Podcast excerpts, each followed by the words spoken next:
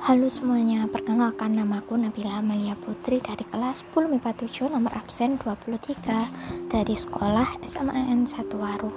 Di sini saya akan menceritakan hikayat tentang kerajaan Demak. Semoga kalian menyukainya ya. Secara demi sejarah, Indonesia merupakan negara dengan jumlah mayoritas pemeluk agama Islam terbesar di dunia. Hal ini tidak terlepas dari sejarah kerajaan Islam di seluruh wilayah Indonesia antara abad ke-13 sampai ke-18.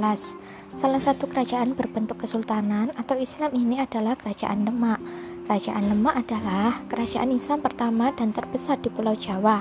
Jika sebelumnya kerajaan di Nusantara berpedoman kepada agama Hindu, maka berbeda halnya dengan Demak yang melakukan penyebaran agama Islam di Nusantara. Dalam sejarahnya, Kerajaan Demak didirikan oleh Persekutuan Perdagangan Islam di pantai utara Jawa yang dipimpin oleh Raden Patah, seorang keturunan Raja Brawijaya yang menikah dengan putri dari Vietnam yaitu Champa.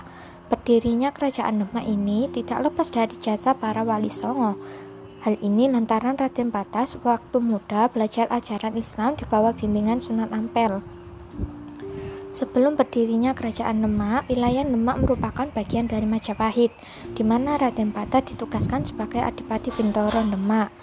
Pengaruh Kerajaan Majapahit pada akhir pada akhir ke-15 berada di ambang keruntuhan. Pada tahun 1500 dengan dukungan para wali, Bintoro menyerang Majapahit dan mengalahkannya.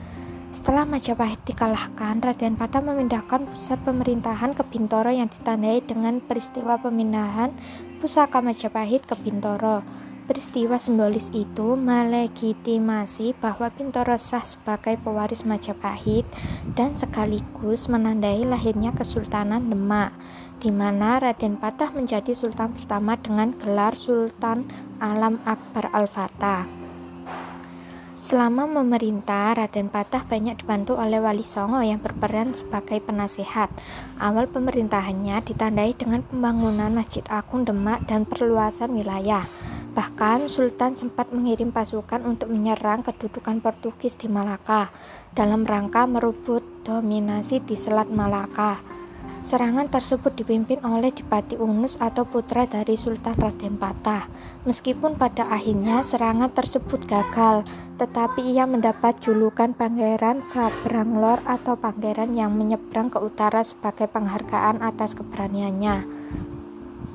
Sepeninggal Raden Patah, maka Dipati Unus naik tahta dengan menjadi Sultan Demak dan semasa pemerintahannya, ia berupaya lagi menggempur Portugis di Malaka dengan menggalang pasukan gabungan Demak, Jepara, dan Palembang. Namun sayangnya serangan tersebut kembali berakhir dalam kegagalan. Setelah Dipati Unus wafat pada tahun 1521, maka terjadi kumelut di Demak akibat adanya persaingan antara Pangeran Sekar Seda Lepen dan Pangeran Trenggana. Akhirnya kumelut ini dimenangkan oleh Pangeran Trenggana yang naik tahta. Selama pemerintahan Sultan Trenggana, Demak mencapai puncak kejayaan karena berhasil memposisikan diri sebagai bandar transit penjualan rempah-rempah. Bukan hanya itu, karena Demak pun mampu tampil sebagai pusat penyebaran Islam di Jawa dan kekuasaan Demak saat itu meliputi sebagian Jawa Barat, Yogyakarta, Jawa Tengah, dan sebagian Jawa Timur. Sayangnya, Sultan Trenggana harus gugur dalam perjalanan menyerang Pasuruan untuk memperluas pengaruh Demak ke Jawa Timur. Kosongnya puncak kekuasaan menyulut kembali persaingan politik antara keluarga Pangeran Sekar Seda Lepen dengan keluarga Sultan Trenggana. Di tengah kumelut tersebut tampillah Joko Tingkir, seorang adipati pajang bawahan Demak. Ia meredam pemberontakan Arya atau Aryo Penangsang, putra Pangeran Sekar Seda Lepen yang berkuasa di Jipang atau sekarang Bojonegoro.